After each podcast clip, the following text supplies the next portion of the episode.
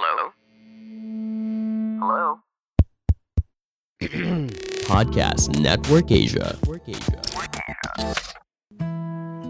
Podcast Bukan Zona Nyaman didukung oleh Podcast Network Asia. Untuk mempelajari lebih lanjut tentang podcast lain dan juga networknya, ikuti ya Podcast Network Asia di media sosial atau kunjungi situs webnya di podcastnetwork.asia. Halo semuanya, apa kabar? Selamat datang di podcast Bukan Zona Nyaman with Rian Duana, di mana gue akan membahas soal banyak hal dari self-development, karir, hidup, ataupun leadership yang bikin hidup kita gak nyaman. Karena yang namanya pertumbuhan itu pasti gak nyaman dan harus disengaja. Karena kalau nyaman bukan berarti aman. Belum lama ini, gue berdiskusi sama seorang teman gue. Ceritanya waktu itu dia lagi galau dan lagi bingung untuk menentukan pilihan untuk karirnya, untuk masa depannya, untuk pekerjaannya, untuk bisnisnya. Lucunya, dia itu nggak mau minta tolong sama gue. Padahal, mungkin apa yang dia galauin, apa yang dia lagi khawatirin, gue bisa bantu. Karena ya gue pernah ada di posisi dia, dan gue bisa membantu dia lah sedikit banyak untuk hal itu. Karena gue gregetan, gue nanya sama dia, lo kenapa gak minta tolong sama gue? Padahal, ya gue bisa loh nolongin lo. Jawaban dia simple, dia cuma bilang, ya karena gue ngelihat pertemanan kita itu bukan dari apa yang lo bisa kasih. Makanya gue sungkan buat minta tolong sama lo. Gue agak kaget dan ya cukup terkejut lah dengan jawaban kayak gitu. Karena ya sebagai temen, gue gak ngerasa keberatan sama sekali buat nolongin dia. Habis itu agak penasaran lagi, gue coba nanya di Twitter, kenapa sih orang tuh susah ya untuk minta tolong?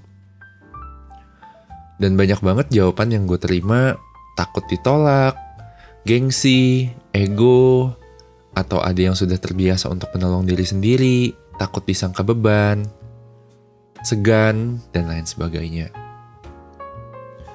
Dan gue rasa apa yang uh, kemarin gue obrolin sama temen gue dan jawaban yang gue dapat di Twitter, itu sebenarnya mewakili kita semua. Iya gak sih? Karena bahkan gue sampai sekarang pun masih suka sungkan kadang-kadang untuk meminta. Gak nyaman. Tapi yang gue pelajarin selama ini dan ternyata menolong gue banget dalam perjalanan karir gue, hidup gue adalah ternyata berani untuk meminta atau mengungkapkan apa yang kita mau itu justru sebenarnya sehat dan harus dilakukan. Karena itu akan beneficials untuk apa pun yang kita bangun. Misalnya contohnya kita lagi bekerja di satu perusahaan, kita mau bangun relationship dengan atasan kita, atau sama pacar kita, atau sama orang tua kita, dan lain sebagainya. Bahkan di pertemanan juga bisa. Kenapa? Karena satu, kita nggak akan pernah bisa memberi kalau kita nggak bisa atau nggak pernah menerima apa yang pengen kita beri. Pusing nggak? Tapi gue kasih contoh. Misalnya nih, kita harus memberikan respect ke orang lain. Tapi kita nggak pernah tahu rasanya di respect tuh kayak gimana. Atau dalam hubungan, kita mau memberikan kasih sayang ke pasangan kita. Tapi kita nggak pernah tahu rasanya disayang gimana. Akan susah kan? Dan kita nggak akan pernah bisa menerima apa yang kita nggak minta. Banyak banget makanya orang-orang yang kebanyakan selalu memberi tapi lupa meminta, ujung-ujungnya capek. Makanya gue ngeliat banyak banget relationship atau hubungan, baik itu profesional, personal, pertemanan yang gagal, ujung-ujungnya jadi toxic karena kita nggak pernah meminta apa yang kita mau. Makanya gue selalu encourage untuk teman-teman di sekitar gue, kalau kita punya mau atau kita mau minta tolong, nggak apa-apa, it's okay Karena memang itu kita harus lakukan demi kita punya relationship atau hubungan yang bisa uh, lebih panjang lagi ke depannya sama orang-orang di sekitar kita. Dan yang namanya meminta itu juga menunjukkan boundariesnya kita, batasan kita. Bahwa ada hal-hal yang mungkin kita nggak bisa lakukan untuk orang lain. Karena ya kita aja masih minta tolong dalam hal itu, terus gimana kita bisa nolongin orang? Dari hal simple, misalnya kayak ngejemput temen, atau ngegantiin lampu, atau ngebookingin restoran. Bahkan kalau misalnya dalam hal profesional, misalnya kayak mungkin ada minjemin modal, atau misalnya kayak kasih pertolongan bantuan gitu, waktu kita. Nah, ketika kita minta tolong, berarti kan kita belum menerima. Dan itu menunjukkan boundariesnya kita. Ada hal-hal yang nggak bisa kita lakukan. Sehingga secara gak sadar dan gak langsung, orang lain pun gak akan minta itu ke kita. Dan itu juga sesuatu yang sehat menurut gue. Dan juga ketika kita minta sesuatu, kita minta tolong, kita tuh membuka diri kita.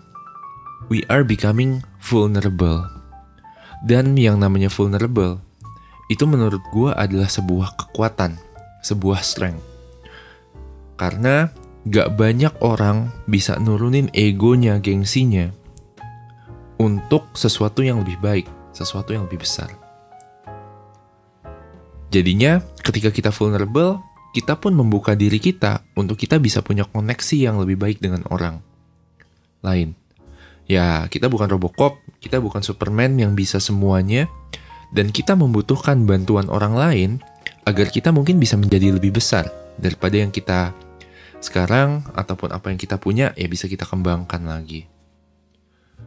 Makanya dari situ cara gue melihat minta tolong atau minta sesuatu itu berubah karena itu akan bagus untuk gue, untuk masa depan gue, bahkan untuk hubungan gue dengan orang lain di sekitar gue.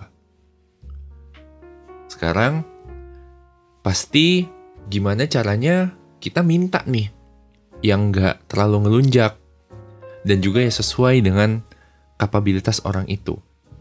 Makanya, gue punya tiga guideline yang selalu gue apply ketika gue pengen minta tolong. Yang pertama, mintalah secukupnya, sesuai dengan apa yang kita butuhkan. Karena kadang-kadang kita pun nggak tahu kita tuh ditolongin apa sih sebenarnya. Dan ketika kita nggak tahu mau ditolongin apa dan cukupnya segimana, ya ujung-ujungnya orang yang nolongin kita juga akan bingung karena dia nggak tahu dia mesti nolongin apa. Makanya sebelum minta tolong pastiin kita tuh mau dibantuinnya tuh apa. Itu yang pertama. Terus yang kedua, minta sesuai dengan kemampuan orang itu. Kalau kita minta tolong orang sesuatu yang mungkin dia nggak bisa lakukan, ujung-ujungnya orang itu akan bete dan kitanya juga nggak bisa mendapatkan pertolongan yang kita butuhkan. Makanya penting banget buat kita identifikasi kebutuhannya kita dan kita cari orang yang tepat untuk kita mintain tolong. Sehingga apa yang kita butuhkan dapat dan orang itu juga gak ngerasa direpotin sama kita. Dan yang ketiga, yang gak kalah pentingnya adalah waktunya, momentumnya. Kapan kita mesti minta tolong, kapan kita mesti stop. Ya jangan minta tolong di saat orang lain lagi sibuk, orang lain lagi ngerjain sesuatu, tapi ya minta tolong lah, mungkin waktu dia lagi free, atau kalian udah janjian nih, oh gue mau minta tolongnya mungkin hari Minggu atau hari Sabtu. Jadinya dia juga bisa lebih ready, lebih prepare untuk bisa memberikan pertolongan. Dan jangan khawatir, orang lain mungkin ngerasa kita ngerepotin, ngerasa kita ngeganggu, karena menurut gua, teman yang baik akan selalu memberikan pertolongan pada kita ketika kita butuhkan. Makanya, mungkin untuk para pendengar episode ini, kalau kalian memang lagi butuh pertolongan atau lagi butuh sesuatu, gak usah takut buat meminta. Karena ya balik lagi yang kayak gue mention tadi di awal, itu menunjukkan bahwa kita tuh juga manusia, butuh bantuan, dan akan bagus ketika kita pengen membangun relationship yang lebih panjang dengan orang tersebut. Jadi, itu aja apa yang pengen gue sharing di podcast episode kali ini. Semoga bisa membantu teman-teman juga ya. Thank you.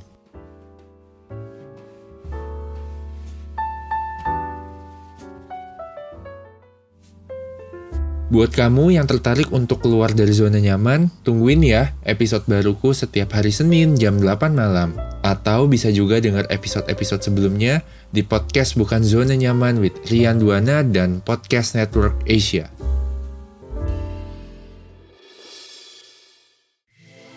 Halo teman-teman, Erwin Parengkuan di sini. Bagaimana? Menikmati dong podcast yang baru saja didengar.